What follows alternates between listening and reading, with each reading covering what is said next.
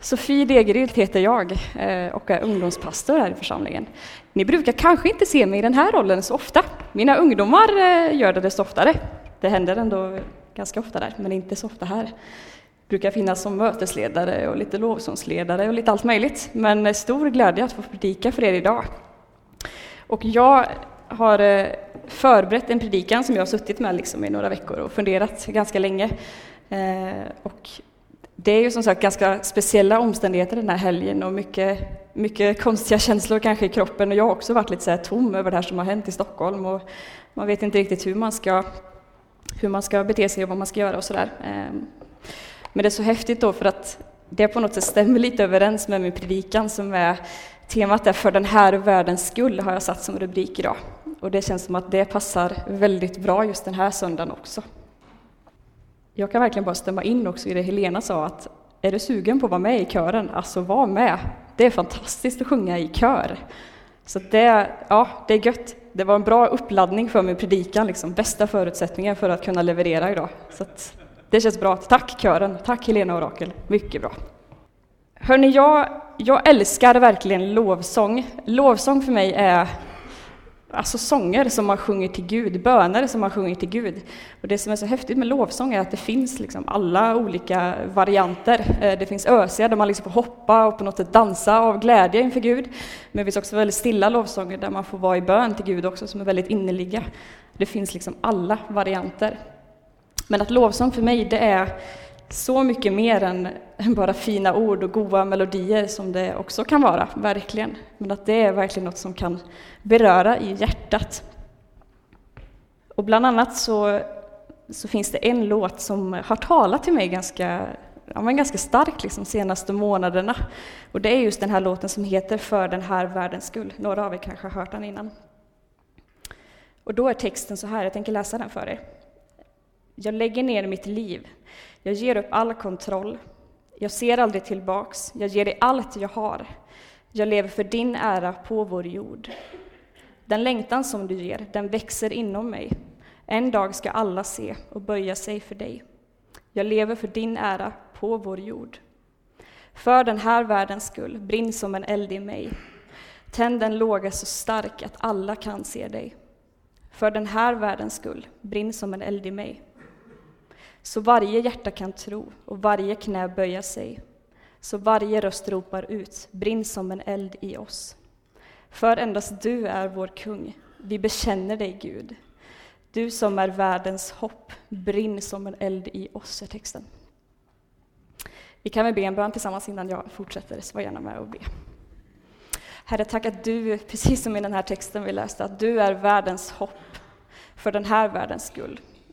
Och Jesus, tack att du idag vill påminna oss om det i det här eh, om speciella tillståndet som vi ändå är i efter allt som har hänt, Herre, så kan vi få rikta blicken mot dig och sätta vårt hopp till dig. Och Herre, tack att din kärlek till var och en av oss är så stor. Herre, jag ber att det som, eh, som jag har fått förbereda och ska tala idag, att det ska få vara ord ifrån dig. Och Herre, jag ber att det skulle få, få landa i människors hjärtan. Herre, jag ber att de som lyssnar, att de ska få ha Öppna hjärtan för vad du vill säga, Herre. Låt det handla mindre om vad jag säger och mer om vad du säger, Herre. Tack att du är här. Amen. Amen. Jag känner ju inte alla er här, inte superbra i alla fall. Några kanske har hälsat lite, några känner jag väldigt väl. Det är väldigt olika och ni känner ju mig lika dåligt eller lika bra som jag kanske känner er. Men jag som person, det vet ni som känner mig, att jag är inte så supertänkaren och filosofen och eh, sånt där. Jag är nog mer av typen, ah, det löser sig, man behöver inte grubbla så mycket på saker och ting, utan det, det reder sig på något sätt och eh, det blir alltid bra liksom i slutändan. Ibland blir det, ibland blir det inte. Men att även jag då som är, som är sån, kan ibland få lite så filosofiska tankar. Och en tanke som ju kommer ibland, och det kanske är flera, vad vet jag, men det är ju tanken, vad är egentligen grejen med livet? Är det någon mer som har tänkt den tanken? Vad är meningen med livet, hörni? Ja, titta, jag var inte ensam, vad härligt att höra. Och det, alltså svaret på den frågan, det, kan ju, det är nog olika för oss alla, eh, kan jag tänka, eftersom vi är olika personer allihopa. Men det som jag kommer fram till när jag får sådana här tankar, eh, så tänker jag på två saker det första och liksom största och viktigaste på något sätt, det är Jesus. Eh, det finns liksom inget annat som, som kan ge den meningen med livet som han kan, eh, tror jag. Men jag tror också, nummer två, att det handlar också om andra människor.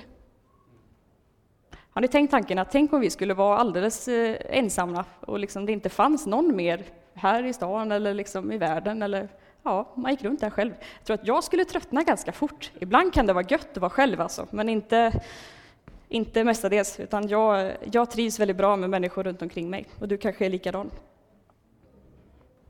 Jag tror att vi behöver varandra. Alltså vi behöver varandra att få skratta tillsammans med, att få gråta tillsammans med och liksom dela livet och brottas med svåra frågor. Och, eh, ja, men verkligen finnas där för varandra. Eh, att kunna hjälpa den som behöver hjälp, men också att, att stötta och vara liksom glad för den som är glad också. Det är liksom både och.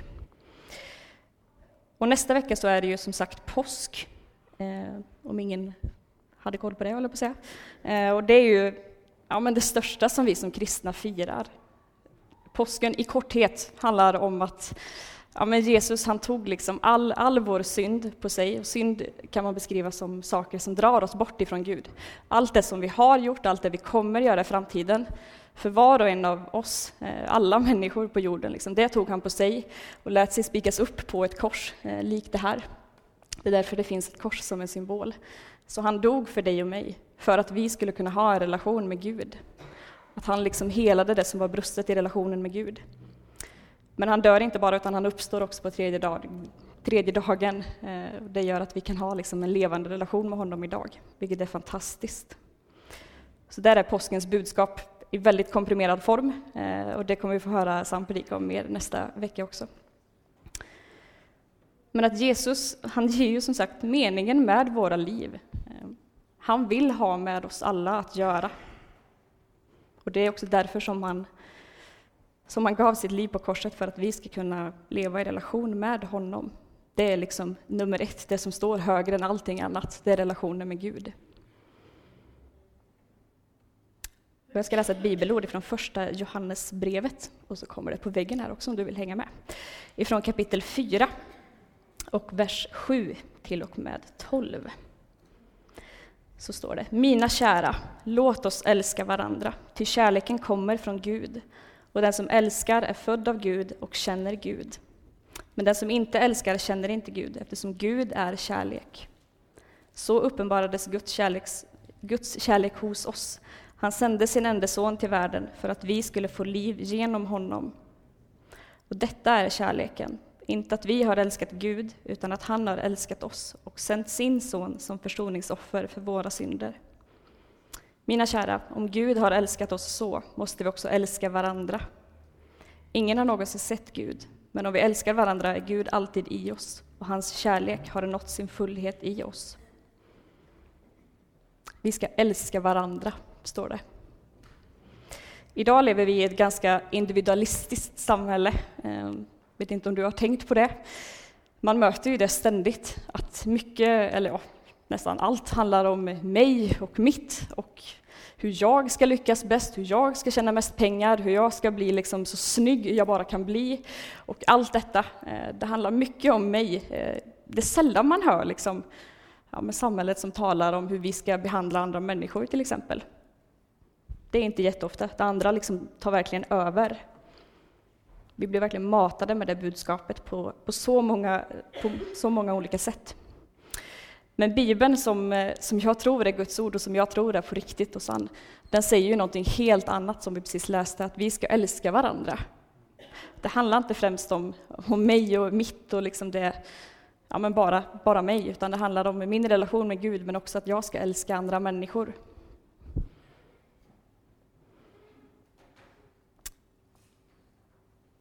Jag tycker att det var så häftigt att se. Jag har ändå följt media lite nu i, i helgen över vad som har hänt i Stockholm. Och det är ju verkligen fruktansvärt på alla sätt och många människor är skakade och man blir liksom rädd och undrar vad händer nu och vad blir det härnäst och liksom, vart är världen på väg? Men att i, i all den här sorgen och liksom rädslan som finns så på något sätt steppar ändå människor upp och bara visar så mycket kärlek till varandra. Det var liksom människor som bjöd hem folk för att de hade ingenstans att bo och var fast i Stockholm och kollektivtrafiken stod still eh, och kunde inte ta sig någonstans. Så att folk öppnade sina hem och sa hej, ni kan bo här, liksom. vi känner inte varandra men det går bra. Eh, så följde man det via sociala medier. Folk bjöd på mat eh, och erbjöd bilskjuts och sånt där också för att folk skulle ta sig hem till sina familjer till exempel. Och det visar ju verkligen på just den kärleken som vi läste om. En kärlek för andra människor det tycker jag, var väldigt, jag tycker att det är väldigt vackert att se det, eh, att, att man bryr sig om varandra på det sättet. Och det känns som att det är något som vi skulle behöva göra mera, eh, inte bara när det händer tragiska saker i vårt land, utan att alltid liksom hjälpa till med det som behövs och göra det lilla man kan helt enkelt. Jag ska tala lite om, eh, om nöd. så konstigt ord, jag kom inte på något bättre. Men eh, inte nöd som i kanske att man är i fara på det sättet, utan googlade lite, hittade lite olika betydelser på detta ordet. Och då hittade jag en betydelse i en ordlista som var trängande behov av något, tvingande anledning till något. Det jag ska säga är verkligen inte tvång, jag vill liksom inte så här tvinga ner någon och känna att det blir bördor, det jag säger nu. Men det här är snarare en eh, ja, men utmaning och liksom uppmuntran för att på något sätt sträcka sig utåt och sträcka sig längre. Och då kan vi byta bilder. Så kommer liksom min första punkt och det är nöd för andra människor. Vi ska läsa en berättelse från eh, Lukas 15. Den finns på väggen där, men jag läser ifrån en, eh, en annan översättning av Bibeln som heter The Message, fast den är på svenska också. Eh, Lukas 15. Vid det här laget var det många människor med tvivelaktigt rykte som hade anslutit sig till Jesus och lyssnade uppmärksamt på honom. Fariseerna och de skriftlärda gillade inte vad de såg, inte det minsta. De muttrade, han bjuder syndare och äter och umgås med dem som gamla goda vänner. Deras muttrande fick Jesus att berätta följande. Tänk er att ni har hundra får, men ett av dem springer bort. Skulle ni inte lämna de 99 och, andra där i markerna och leta efter det bortsprungna fåret tills ni hade hittat det? Och när ni hittat det bär ni hem det på era egna axlar, jublande glada, och samlar alla vänner och grannar för att fira att ni har hittat det bortsprungna fåret. Ni kan vara säkra på att det jublas mer i himlen över en syndares liv som tar ny riktning än över 99 skuldlösa som inte behöver ändra på sitt liv. Det här kanske är en story som du eh, har hört sedan du var barn och hört massor av gånger. Eh, men att den, när jag förberedde mig, så liksom, den talade verkligen till mig att ja, men det, där, det där bortsprungna fåret, det behöver vi liksom få lite nöd för. Att, ja, men vart är det där fåret egentligen? Eh, och också att det på något sätt går ner lite i hjärtat. Att man kan ju tänka att ja, men det finns människor som inte är här. Ja, jo, det är hemskt och tragiskt och vad ska vi göra? Men att, att få den där nöden i hjärtat att ja, men de här människorna måste vi fånga in, vi måste hitta dem. Och när vi hittar dem så kan vi jubla liksom och det blir seger. Och då kan vi jubla tillsammans över att, att man har funnit fåret. Och jag tror att Jesus är ja, men på jakt efter oss alla liksom hela tiden. Eh, inte att han jagar oss så att vi ska bli rädda, men eh, att han vill ha med oss att göra. Han dog för var och en av oss och vill också ha relation med var och en av oss. Så han, han vill inget hellre. Och jag tror att vi, vi som människor här på jorden nu eh, kan liksom få hjälpa till på den vägen, att hitta de här fåren. Kanske hjälpa människor att förstå vad det är Jesus har gjort och liksom, ja, men berätta om sin tro, att det kan få inspirera någon annan. Liksom. Eller bara att man frågar, hej, ska du med till kyrkan? Eller sådär. För att våga berätta för flera människor.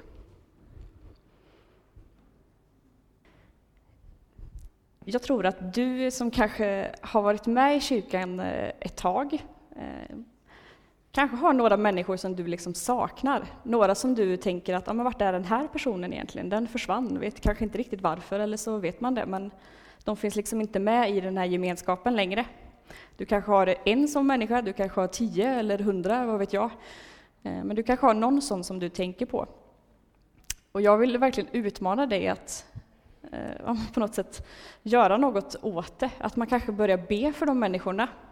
Det kan vara en sån enkel grej men som kan göra så stor skillnad. Kanske att du på, på en lapp och lägger in i Bibeln och så där skriver upp de här namnen och att du ber regelbundet för dem. Du kanske inte har kontakt med de människorna idag, men att bön kan göra skillnad, att det kan få så sitt frö i alla fall. Eller så är det att du ska ringa till personen och säga hej, det var länge sedan vi träffades, ska vi ta en kaffe? Eh, och bara kolla hur livet är. Liksom. Som sagt, vi behöver få lite nöd i våra hjärtan för de människorna som inte, som inte längre finns här.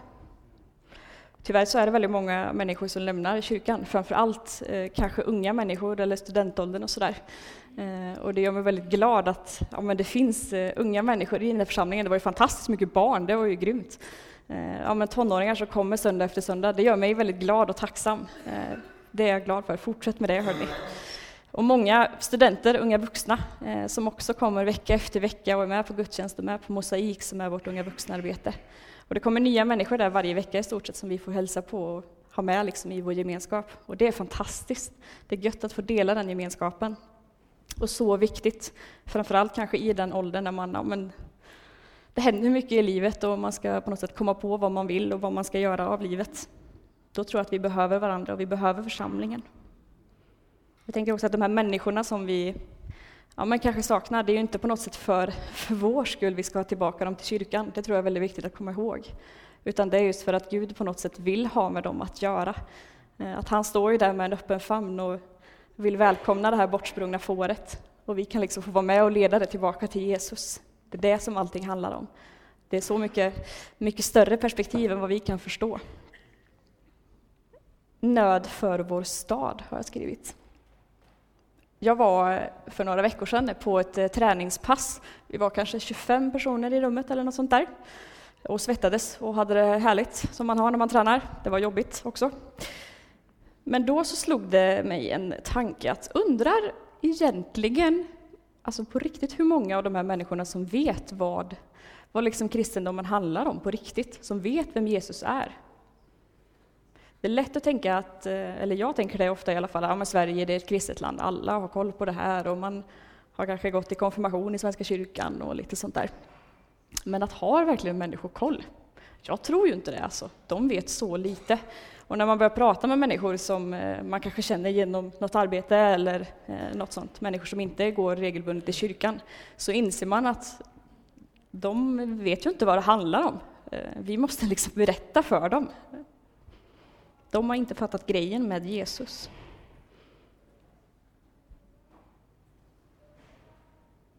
Och vi som då har, som har hittat den verkligen skatten som det är att, att ha relation med Jesus, den kraften, det måste vi våga berätta om. Eh, våga vara modiga och göra det. Det kan vara lite jobbigt ibland och man vet inte riktigt alltid vad man ska säga och sådär, men jag tror att det behövs för att människor i den här staden och i vårt land och i hela vår värld behöver höra om Jesus.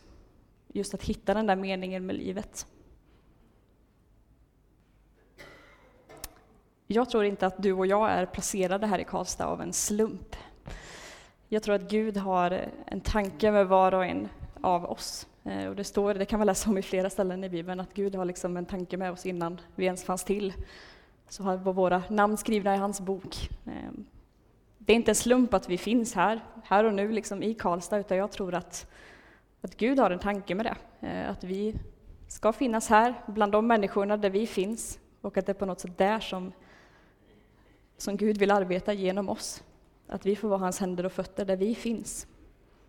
Att vi får vara efterföljare till Jesus i den här staden för att, att nå lite längre, för att bredda vårt perspektiv, att nå fler människor. Och det uppdraget tror jag att vi måste ta på allvar. Vi kan ta nästa bild där. Nöd för vår församling. Som sagt, inte nöd som i något negativt, eh, utan mer kanske lite utmanande. Eller vad man ska säga. Jag tror att vi kan inte helt nöja oss med hur det är. Eh, det är klart att man ska vara nöjd och glad och tacksam för det som händer, verkligen. Eh, och det händer mycket spännande just nu. Men jag tror också att vi hela tiden behöver sträva efter mer, att vilja nå ut till människor, eh, att vilja något mer, att drömma större, göra större grejer, få se mer och liksom ta med fler människor till kyrkan och be till frälsning med människor. Det tror jag att vi behöver eh, och att det, det behöver vi bära tillsammans som församling. Det funkar liksom inte om det är två pers som gör det, eller det funkar, men det kommer ta mycket längre tid. Eh, verkligen. Så där är det ju en sån förmån att få finnas i en församling där man kan få dela det och på något sätt gemensamt springa mot det målet. Och som sagt, vi är ju inne i en väldigt spännande tid i vår församling och det är fantastiskt med alla dessa människor som stod här, eh, som nu är medlemmar i den här församlingen. Välkomna till er, eh, verkligen. Vi döper fler människor än vad vi har gjort på, eh, på länge. Det är också fantastiskt, människor som väljer att följa Jesus. Och som ni säkert har märkt så håller vi på att renovera våra lokaler för att ja, skapa förutsättningar för att ta emot mer människor och liksom tillgodose behov som finns. Och det är ju inte bara för att det ska bli snyggt på utsidan utan det är ju för att vi på något sätt håller på att förbereda för något större. Förbereda för fler människor i den här församlingen. Och jag skulle önska att det var fler som, som var med och bar den drömmen. Men att allt som sagt börjar med att, att följa Jesus, att låta dig påverkas av honom. Och då tror jag att det kommer komma ganska naturligt att ja, men, när man matar sig med liksom Guds ord och börjar tänka hans tankar och se det från hans perspektiv, då tror jag att det ganska snabbt kommer att ja, men det där bägaren liksom fylls över så att det måste på något sätt spilla över. Ehm, att den kärleken som Gud visar oss ska också ges vidare till andra människor. Eh, jag tänker så här att det finns ju eh, kanske några här av er som eh, aldrig liksom har hört talas om Jesus eller inte vet vem han är, inte tagit ett beslut av att följa honom. Idag kan bli din dag att göra det. Det finns liksom ingen to-do-list att det här måste du ha gjort innan du blir kristen, tack och lov, utan vi får komma precis sådana som vi är. Gud känner oss och vet oss liksom, utan och innan och vet allt det som vi bär och allt det vi har gjort och inte gjort och allt sånt. Eh, men man kan bara få komma till Gud och säga Gud, här är jag, du vet ju hur jag är, men jag vill ha med dig att göra, så välkommen in i mitt liv. Välkommen att påverka mitt liv och hur jag tänker och vad jag gör med mitt liv. Och han står där med en öppen, en öppen famn. Det är också något som vi vi kan behöva göra flera gånger för att påminna oss själva eh, om att Gud, nu är det du och jag igen, liksom. nu kör vi. Kanske att du behöver idag be Gud om en större dröm. Den här bilden som jag på något sätt har målat upp lite av att, att vi ska bli fler, att vi vill nå ut längre. Du kanske kände, Nah. Utan kände snarare, hur ska det gå? Liksom, Kanske lite rädsla, kanske lite sånt där. Men att be Gud om en större dröm. Att du skulle få se det där. Och vara med och liksom bära det i ditt hjärta. Få den där nöden för människor som inte, inte finns här, som inte känner Jesus. Kanske behöver du få en större, större nöd för din församling. Kanske behöver du få en nöd för vår stad, att du skulle våga gå ut och berätta för någon som inte känner Jesus. Kanske en kollega, en granne, en släkting, vad vet jag.